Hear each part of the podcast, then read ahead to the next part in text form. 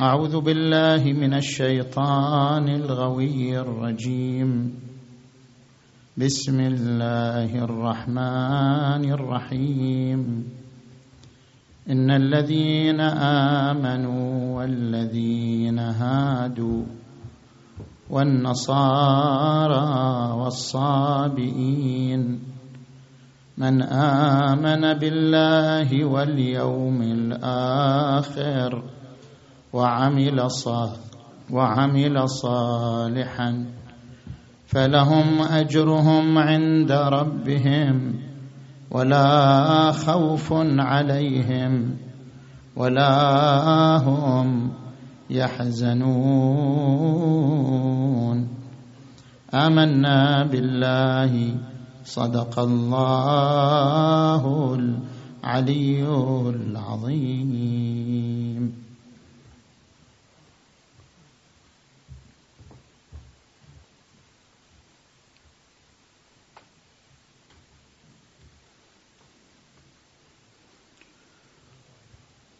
هوبز باون في كتابه عصر الإمبراطورية ذكر أن المواطنه مصطلح دخل أوروبا في القرن التاسع عشر. دخل بديلا عن مصطلح القومية. كان المصطلح الشائع هو القومية. القومية على أساس العرق أو القومية على أساس الدين أو القومية على أساس اللغة. استبدل مصطلح القومية بمصطلح المواطنة لأن المواطنة لا تفرق بين اللغات والأديان والأعراق. المواطنة تعني ركنين. الركن الأول هو المساواة والركن الثاني تبادل الحقوق والواجبات. الركن الأول يعني أن جميع المواطنين مهما اختلفت ألوانهم أعراقهم لغاتهم أديانهم متساوون في الحقوق. في التعليم في الصحة في الأمن متساوون في المثول أمام القانون من دون فرق بين أحد منهم وآخر. والركن الثاني أن كل مواطن له حقوق فعليه واجبات. واجب الدفاع عن الوطن واجب المساهمة في بناء حضارة الوطن. من هذا المنطلق قد تطرح شبهه وإشكال على الفكر الإسلامي.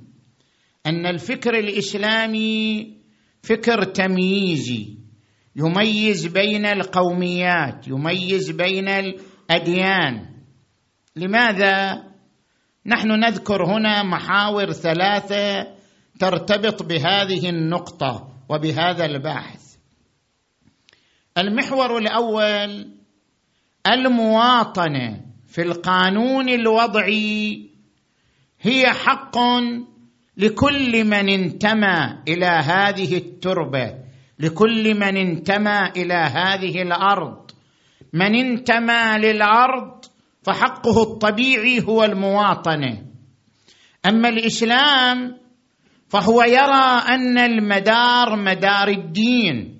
من كان مسلما كان له حق المواطنة في الدولة الإسلامية وإلا فلا.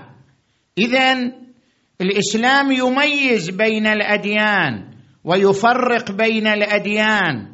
بينما القانون الوضعي يرى أن جميع الأديان متساوية. المهم أن تنتمي إلى الأرض أن تنتمي إلى التربة. هذا الكلام المسجل على الفكر الإسلامي. هذا الكلام غير دقيق. ليش؟ الإسلام أيضا يحترم العلاقه مع التربة. الإسلام يرى أن العلاقه مع التربة نوعان.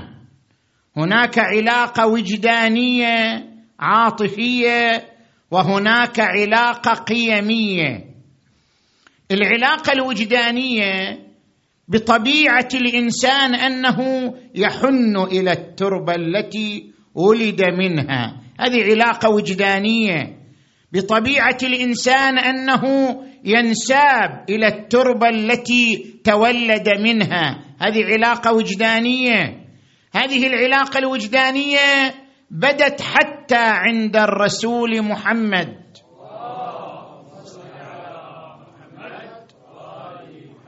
بعدما خرج الرسول إلى المدينة جاء أحد الأصحاب من مكة سأله الرسول عن مكة بلده الذي ولد فيه.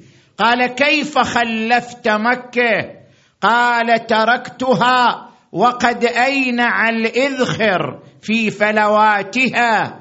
فدمعت عينا رسول الله صلى الله عليه وآله. قال لولا أن أهلها أخرجوني منها ما خرجت. هذه العلاقة العاطفية التي يعبر عنها النبي المصطفى صلى الله عليه وآله حب الوطن من الإيمان. هذه العلاقة العاطفية يحترمها الدين لكن هناك علاقة قيمية.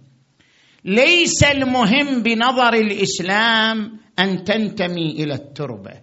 مو هذا هو المهم. المهم بنظر الإسلام أن تسهم في بناء الحضارة. إيش تقدر تقدم؟ إيش تقدر تعطي؟ والله شخص منتمي إلى التربة لكن لا يخدم تربته بشيء. شخص هو منتمي إلى التربة لا يقدم عطاء لا يقدم إنتاج. المهم بنظر الإسلام أن تسهم في بناء حضارة بلدك في بناء حضارة وطنك. ليس المناط أن تنتمي إلى التربة فقط بل أن تسهم في بناء هذه التربة. هذا ما نعبر عنه بالعلاقة القيمية. ما يكفي أن تكون هناك علاقة وجدانية عاطفية مع التربة. بل لابد من علاقة قيمية أن تعتبر هذا هذه الأرض جزءا منه تخدمها وتساهم في بناء حضارتها. لذلك الآيات القرآنية تركز على هذا المعنى. هو أنشأكم من الأرض واستعمركم فيها اعمروها سهموا في بنائها. هو أنشأكم من الأرض واستعمركم فيها الذي جعل لكم الأرض ذلولا. فامشوا في مناكبها وكلوا من رزقه. لذلك حق الإنسان في الأرض يقدسه الإسلام. شوف لاحظ اقرأ قوله تعالى اذن للذين يقاتلون بانهم ظلموا. وأن الله على نصرهم لقدير الذين أخرجوا من ديارهم بغير حق. الإخراج من الأرض تضييع ظلم لحق الإنسان.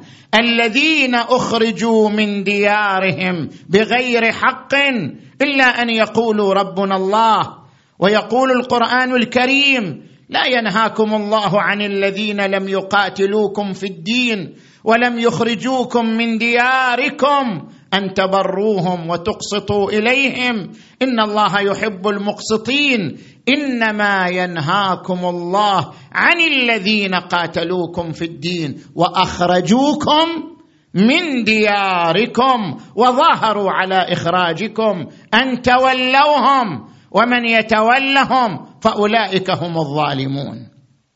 اذا ليس الميزان في المواطنة أن تنتمي إلى التربة. الميزان في المواطنة أن تسهم في بناء التربة. أن تسهم في بناء الحضارة. كنت مسلما أو غير مسلم. الاسلام ما يرى المواطنة تدور مدار الإسلام. المواطنة تدور مدار الإنتاج تدور مدار العطاء تدور مدار ماذا تقدم من خدمة لا ماذا أنت ولا ماذا أنت منتم أو غير منتمي زين؟ هذا بالنسبة إلى المحور الأول. نجي إلى المحور الثاني.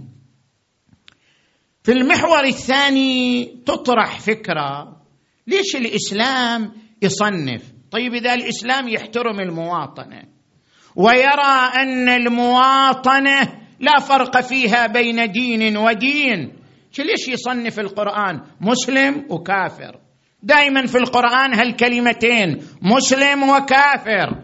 لا يتخذ المسلمون الكافرين أولياء من دون المؤمنين. ومن يفعل ذلك فليس من الله في شيء إلا أن تتقوا منهم تقات.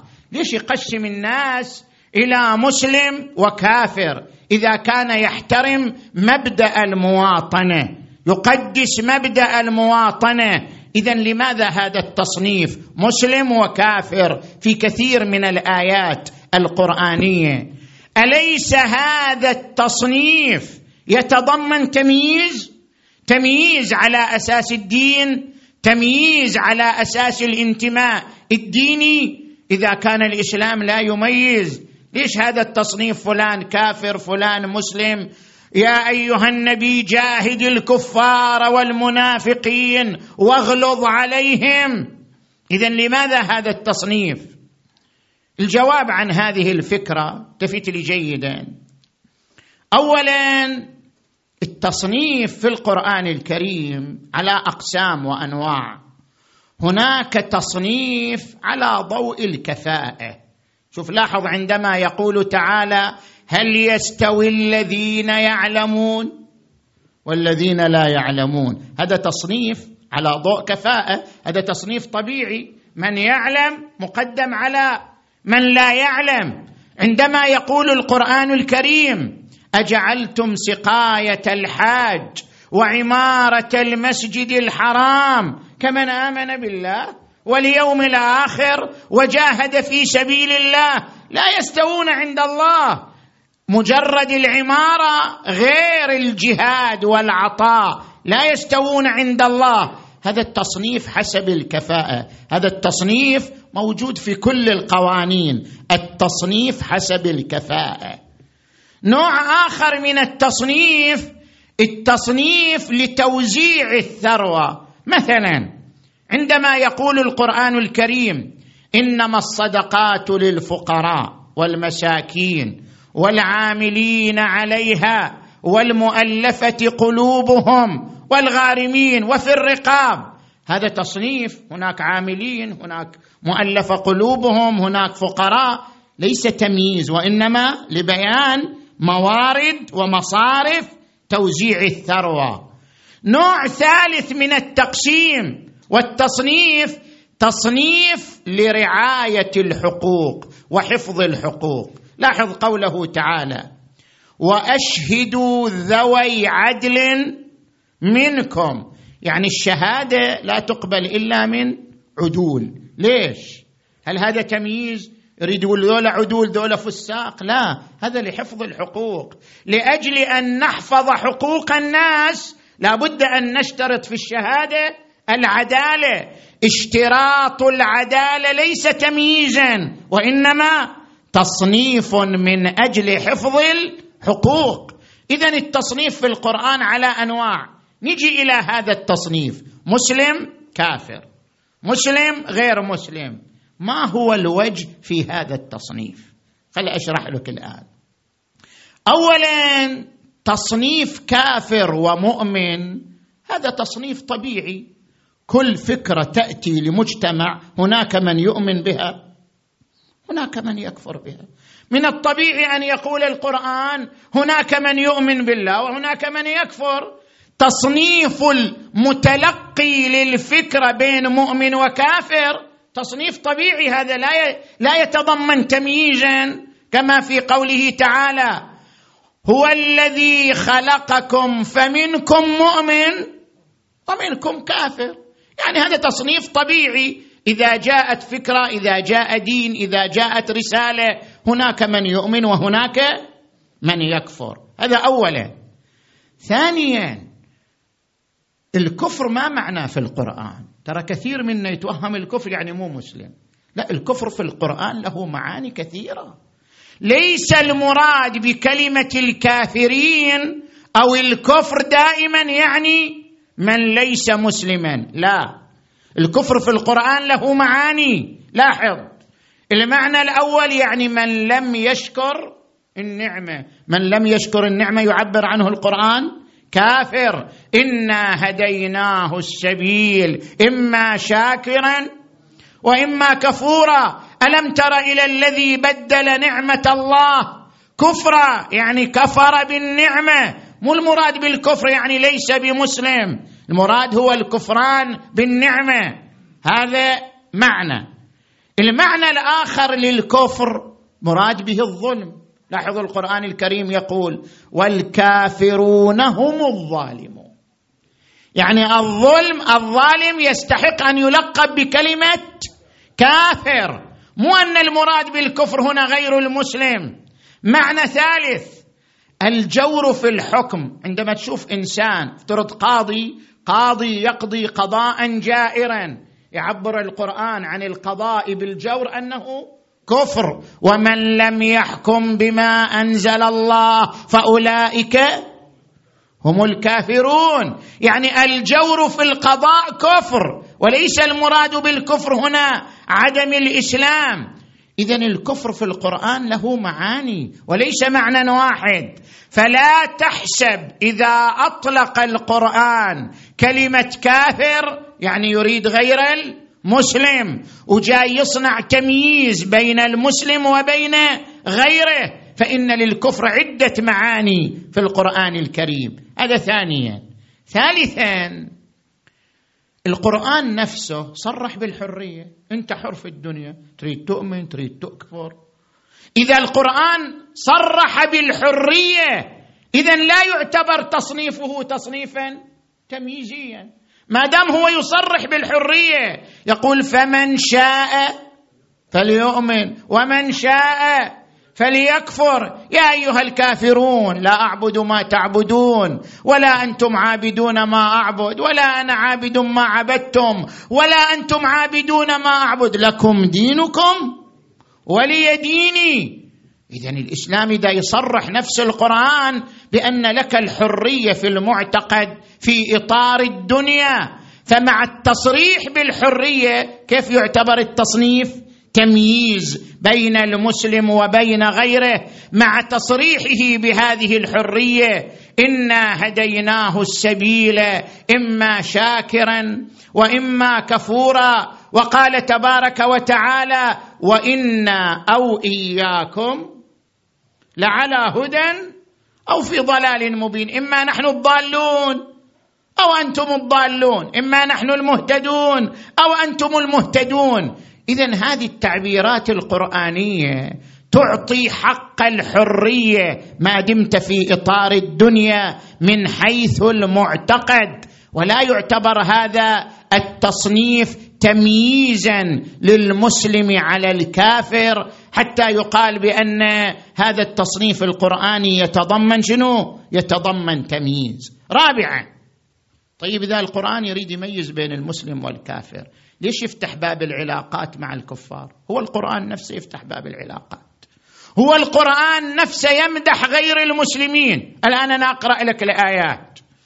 إن الذين آمنوا الآية التي افتتحنا بها المحاضرة إن الذين آمنوا والذين هادوا يعني اليهود والنصارى والصابئين من آمن بالله واليوم الآخر وعمل صالحا المهم يؤمن بالله واليوم الآخر ويعمل صالحا فلهم أجرهم عند ربهم. ولا خوف عليهم ولا هم يحزنون. اذا ما اقتصر على المسلمين والمؤمنين ذكر اليهود والنصارى والصابئين. وأيضا عندما يقول القرآن الكريم ولتجدن أقربهم مودة للذين آمنوا الذين قالوا أنا نصارى النصارى أقرب للمؤمنين. ذلك بأن منهم قسيسين ورهبانا وأنهم لا يستكبرون. وإذا سمعوا هم نصارى. لكن نشوف شلون القرآن يمدحهم. وإذا سمعوا ما أنزل إلى الرسول ترى أعينهم تفيض من الدمع مما عرفوا من الحق. يقولون ربنا آمنا فاكتبنا مع الشاهدين.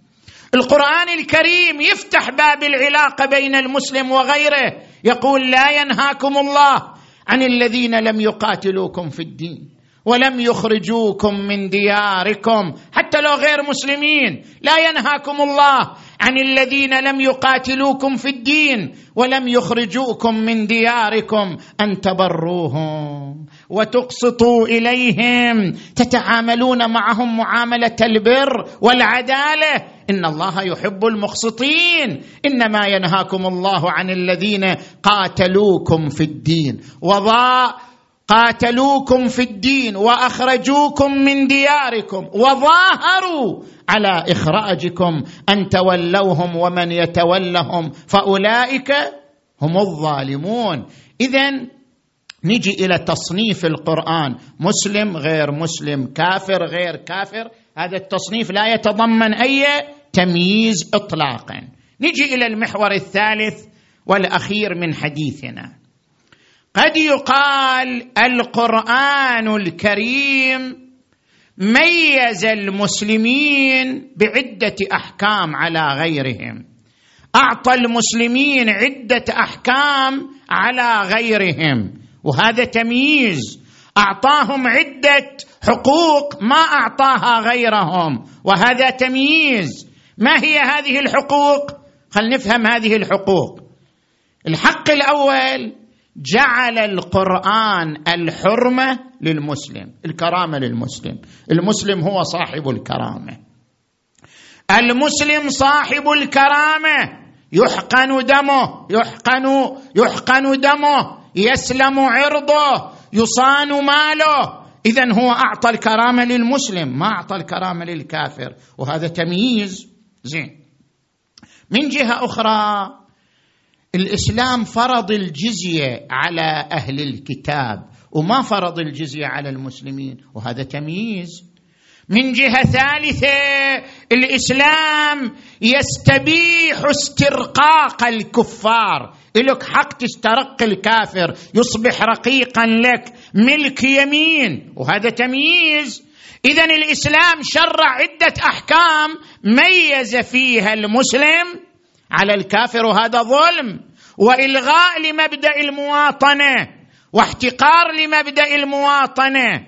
هل هذا الكلام صحيح عن الإسلام أم لا؟ التفت إلي جيدا. نجي إلى الحكم الأول. هل فعلا الكرامة للمسلم فقط؟ كافر ما إلى كرامة في نظر الإسلام. الكرامة في النفس في العرض في المال. هي فقط للمسلم أو لا؟ حتى الكافر له كرامة. نجي إلى منطق القرآن الكريم.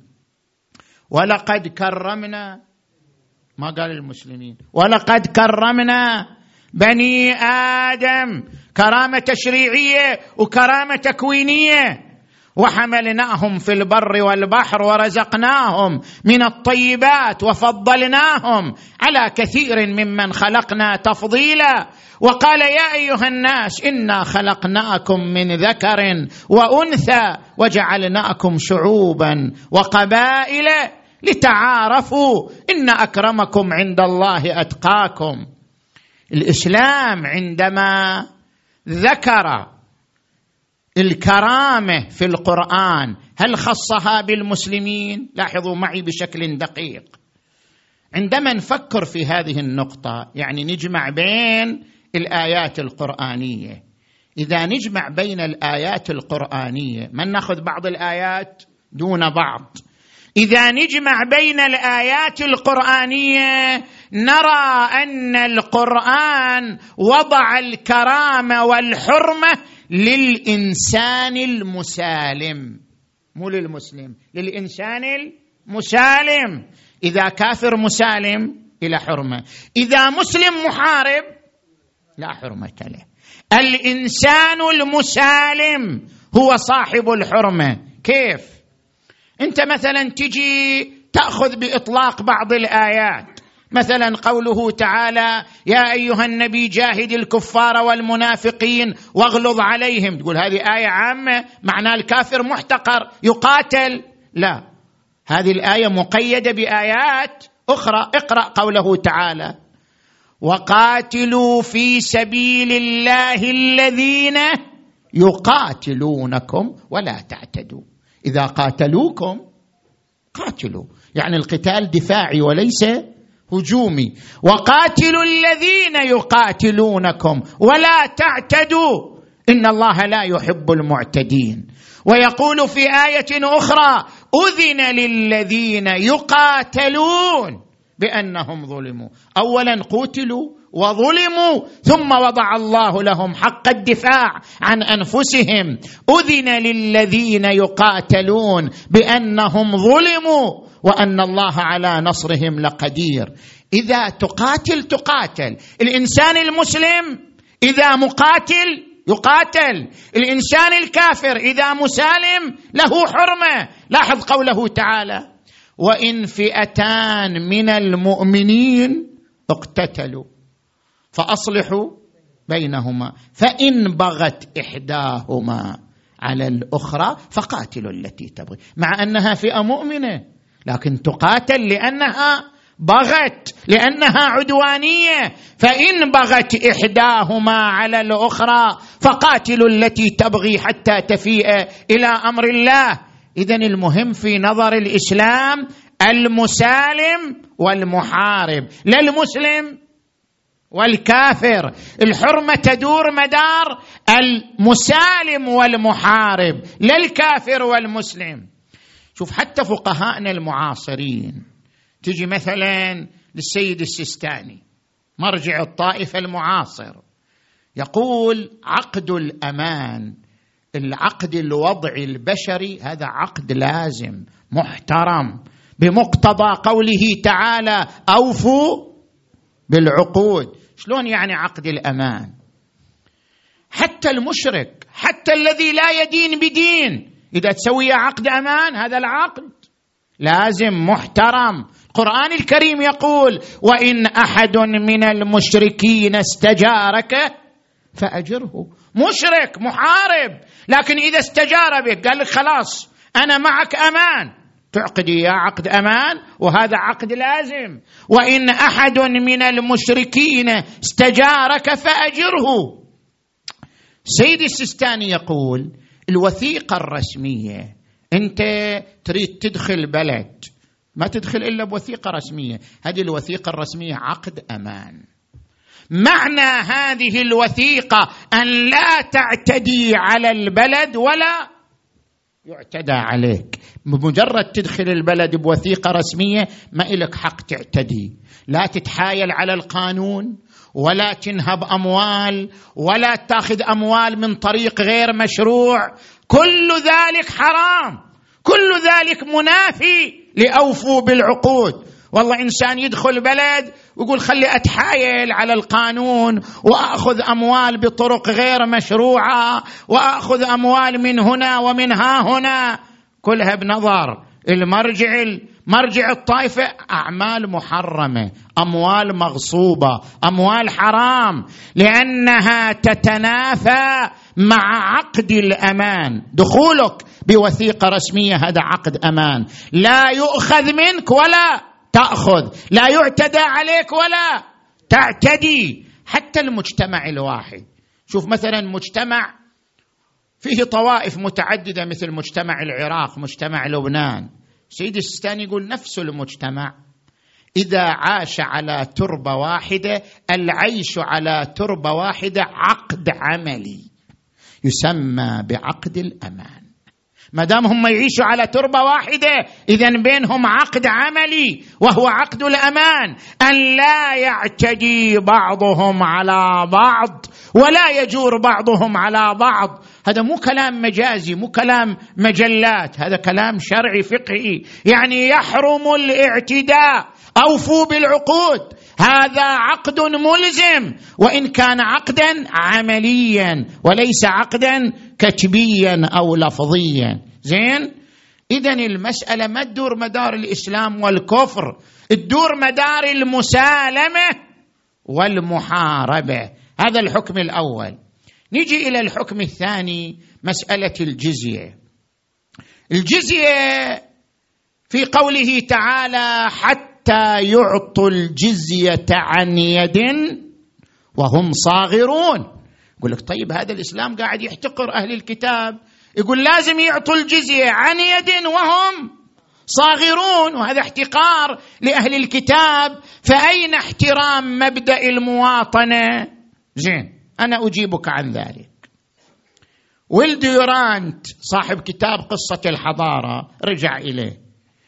يقول اولا الجزية التي تؤخذ على أهل الكتاب أقل من الزكاة. هو هو إنسان اوروبي وهو يقول لك الجزية هي أقل من الزكاة. المسلمون يؤخذ عليهم زكاة وأهل الكتاب لا يؤخذ عليهم زكاة. أهل الكتاب يؤخذ عليهم جزية والمسلمون لا يؤخذ عليهم جزية. إلا أن الجزية المأخوذة من أهل الكتاب أقل مقدارا من الزكاة التي تؤخذ من المسلمين. هذا اولا. ثانيا الجزية قد يعفى عنها بينما الزكاة لا يعفى عنها. المسلم لا يعفى من الزكاة بينما أهل الكتاب الكتابي الذي يعيش ضمن الدولة الإسلامية قد يعفى من الجزية. زين. ثالثا الجزية مقابل شنو؟ مقابل حمايته. يؤخذ منه ضريبة يعبر عنها بالجزية مقابل حماية المسلمين له. وإعفاء من الخدمة العسكرية. ترى غير المسلم يعيش في الدولة الإسلامية مو واجب عليه الخدمة العسكرية. الخدمة العسكرية واجبة على من؟ على المسلم. لا يجب عليه الخدمة العسكرية مقابل حمايته وإعفائه من الخدمة العسكرية. يدفع ضريبة اسمها الجزية. كيف تكون الجزية ظلم؟ وهي لحمايته وهي أقل مقدارا من الزكاة التي تؤخذ على المسلمين. زين. اذا ما هو مقصوده في هذه الآية المباركة حتى يعطوا الجزية عن يد وهم صاغرون؟ هنا تفسيران في الآية. التفسير الأول الذي يذكره جمع منهم المرحوم المطهري أن هذه تخص فئة من أهل الكتاب مو كل أهل الكتاب. شلون؟ اقرأ الآية وشوف سياقها. الآية تقول وقاتلوا الذين لا يؤمنون بالله. أصلا ما يؤمنوا بالله. ولا باليوم الآخر. ولا يدينون ولا يحرمون ما حرم الله ورسوله. ولا يدينون دين الحق من الذين أوتوا الكتاب. هم صحيح من الذين أوتوا الكتاب أما تركوا الإيمان بالله وباليوم الآخر.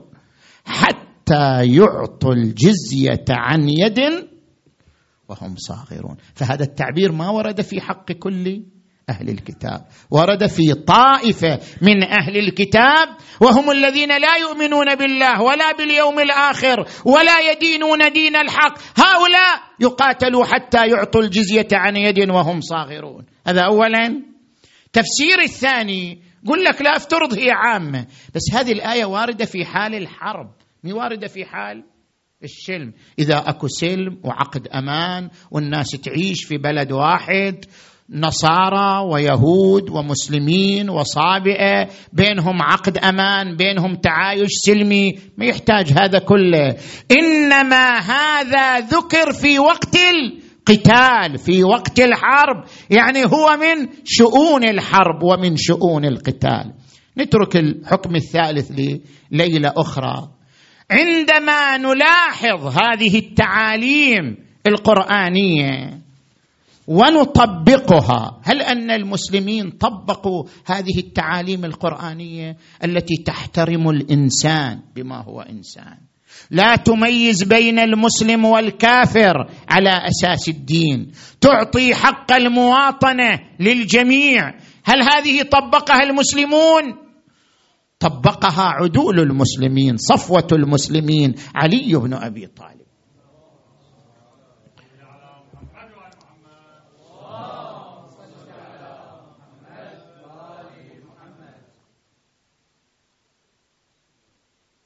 عندما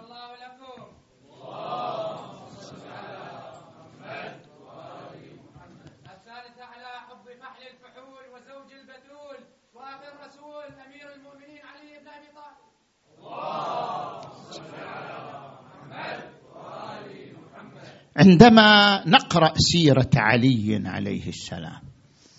علي بن أبي طالب الذي يقول في عهده لمالك الأشتر وأشعر قلبك الرحمة للرعية واللطف بهم والرفق عليهم ولا تكونن عليهم سبعا ضاريا تغتنم أكلهم فإن الناس صنفان. إما أخ لك في الدين أو نظير لك في الخلق. يعني هذا مواطن وهذا مواطن. لهم حقوق متساوية. علي بن أبي طالب لم يقل هذا كلاما بل طبقه بالعمل. مر يوما من الأيام رأى نصرانيا يتسول. قال ما هذا؟ قالوا هذا نصراني كبر سنه تعب من العمل. بعد ما يقدر يشتغل ما يقدر يحصل شيء فأصبح يتسول. قال ويحكم استخدمتموه حتى إذا كبر تركتموه يتكفف المسلمين أعطوه من بيت مال المسلمين. يعني يخصص لراتب هو ما دام مواطن يعطى راتب ما دام قادر على العمل يعمل. إذا عجز عن العمل يعطى. راتب يضمن له معيشته وإن لم يكن مسلما أعطوه من بيت مال المسلمين. علي بن أبي طالب احترم الديانات المختلفة في دولته وفي خلافته مر مع أصحابه في رجوعه من صفين على كنيسة. فقال بعض أصحابه هذا مكان طالما عصي فيه الله. قال ما؟ قل هذا مكان طالما عبد فيه الله. القرآن الكريم يقول ولولا دفع الله الناس بعضهم ببعض لهدمت صوامع وبيع وصلوات ومساجد يذكر فيها اسم الله. اذا علي مع الحق والحق مع علي. علي ميزان العدالة. علي حقق مبدأ المواطنه الإنسانية والكرامة البشرية باجلى معانيها. علي أبو الأرامل علي أبو الأيتام علي الذي كان يفيض حنانا ورأفة وعطفا على كل الناس كان يحمل جراب الطعام على ظهره. وهو خليفة المسلمين يدور بنفسه على فقراء الكوفة وما حولها شيخ كبير مقعد كفيف لا يبصر. علي يذهب إليه ينظف بدنه يغسل كفيه يعطيه الطعام يسقيه الشراب. هذا الشيخ بعد التاسع عشر من شهر رمضان سنة أربعين من الهجرة فقد ذلك الشخص الذي يأتيه يجلس معه يسقيه الماء يعطيه الطعام. مر عليه الحسن والحسين في طريقهم في رجوعهم من دفن أمير المؤمنين. دخلوا عليه وإذا هو يبكي. ما يبكيك يا شيخ؟ قال ذهب رفيقي ذهب من كان يعطف علي لا اراه يأتي إليه. قالوا من هو رفيقك؟ من هو صاحبك؟ قال كان يأتيني رجل يجلس معي يضاحكني يسقيني الماء يقدم لي الطعام ينظف لي. لا أراه منذ ليلتين لا أراه فقدته. صار قلبي يؤلمني وعيني تبكي. قالوا صف لنا هذا الشيخ. كيف كلامه؟ كيف جسمه؟ قام يصفه ويصف شكله يصف كيف كان يعامله. قالوا أتدري من هذا؟ أتدري من هذا الرجل الذي كان يمر عليك؟ قال لا لا أدري ولكن كانت رائحته طيبة وكان كلامه طيبا قالوا يا شيخ هذا أمير المؤمنين علي بن أبي طالب. وعليا وإماما. مو أنت اللي فقدت يا شيخ ها؟ فقده الأرامل فقده المساكين فقدته الكوفة فقده المسلمون. كل ينادي وعليا. عظم الله أجوركم مثل هذه الليلة. كل ليلة الإمام علي يفطر عند إحدى بناته أو أحد أولاده. الليلة كان إفطاره عند ابنته أم كلثوم. زوجة مسلم بن عقيل دخل عندها بأبي وأمي فلما جاء وقت الإفطار أحضرت له إدامين. قال بني أم كلثوم ألم تعلمي أني على سيرة حبيبي رسول الله؟ ما وضع له إدامان إلا ورفع أحدهما. بني من طاب مطعمه ومشربه طال وقوفه بين يدي الله تقول رفعت أحد الإدامين أخذ ملحا وخلا وكسرا من الخبز اليابس يأكله يقوي بدنه ثم قام بأبي وأمي راكعا ساجدا. قائما قاعدا يتزود من الصلاة. يصلي تلك الليلة إلى أن صار نصف الليل غفيت عيناه فجلس من نومه فزعا. قال بني أم كلثوم ناد لي ولدي حسنا وحسينا. ما عندك يا أبا؟ قال رأيت رؤيا أفزعتني. جيء بالحسن والحسين. أبا ما هي الرؤيا؟ قال بني حسن بني حسين. رأيت أخي جبرائيل على جبل أبي قبيس بيده حجران. ضرب أحدهما بالآخر فما بقي بيت من بيوت الإسلام إلا ودخله من الرماد شيء. قال الحسن أبا ما تفسير الرؤيا؟ قال بني حسن إن صدقت رؤياي فإن أباك مقتول هذه الليلة. وعليا ولا يبقى بيت من بيوت المسلمين إلا ويدخله حزن عظيم. أبا قتلك الليلة كيف تخرج إلى المسجد؟ قال لا بد من الخروج إلى المسجد ها؟ ثم رجع إلى العبادة يصلي قائما قاعدا. راكعا ساجدا حتى طلع الفجر فقام وهب إلى المسجد وكان في بيت أم كلثوم وز أهدي إلى الحسنين فلما رأينه الوز تفاررن في وجهه فوقف بأبي وأمي وقال صوائح تتبعها نوائح. صوائح تتبعها نوائح من نسوة صوارخ ثم جاء بأبي وأمي إلى الباب يريد أن يفتح الباب. يا شيعة فانحل مئزرا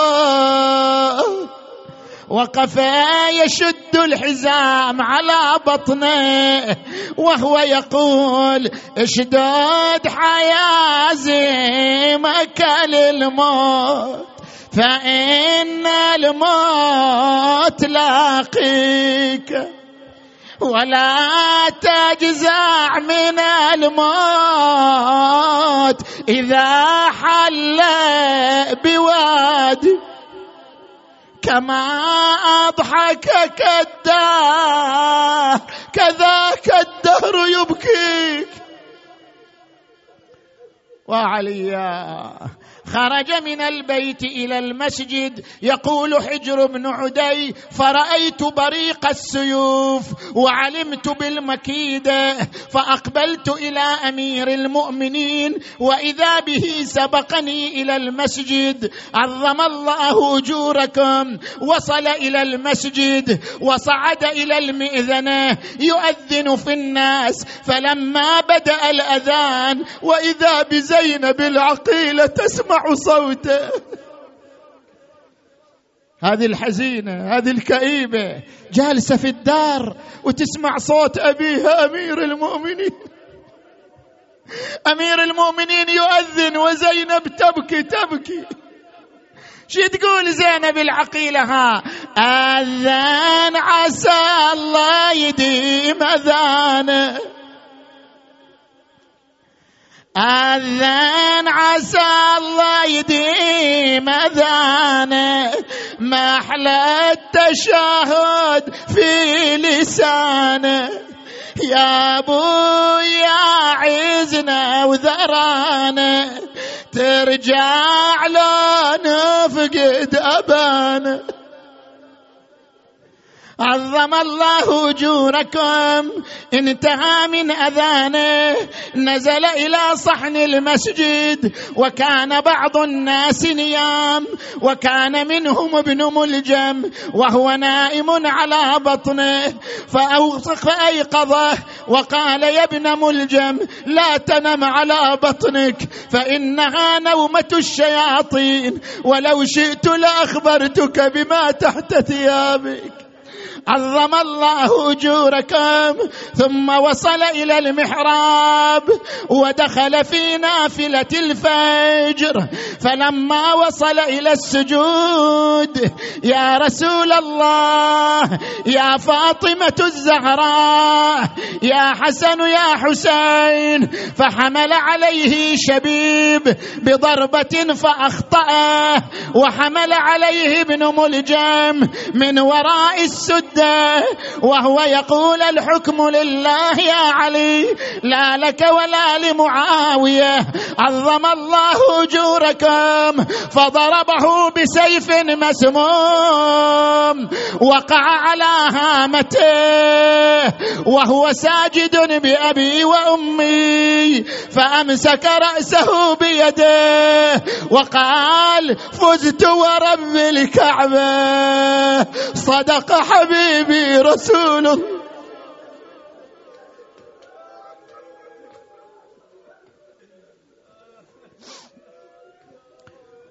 فارتجت أبواب المسجد وجاء الناس من كل مكان وإذا بالصوت بين السماء والأرض تهدمت والله أركان اي صوتك ويا المؤمنين. ها تهدمت والله أركان. وانفصمت والله العروة الوثق. شنو صاير يا جبرائيل؟ قتل علي المرتضى. قتل ابن عم المصطفى. فصرخت زينب وابتاه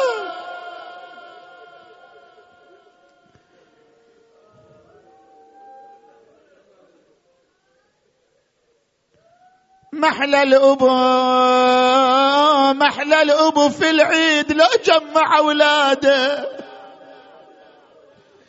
إي والله محلى الأبو في العيد. لا جمع أولاده ولبسهم الزينة على جاري العادة ورفرف عليهم بالهنا طير السعادة. يطيب القلب وتصير عيشتهم هنية. وانتو يا زينب شنو صار؟ وإحنا وإحنا أبونا قبل عيده بتسعة أيام. سافر وخلانا وصرنا بعدها ايتام إيه والله وعيادنا راحت وصار العيد.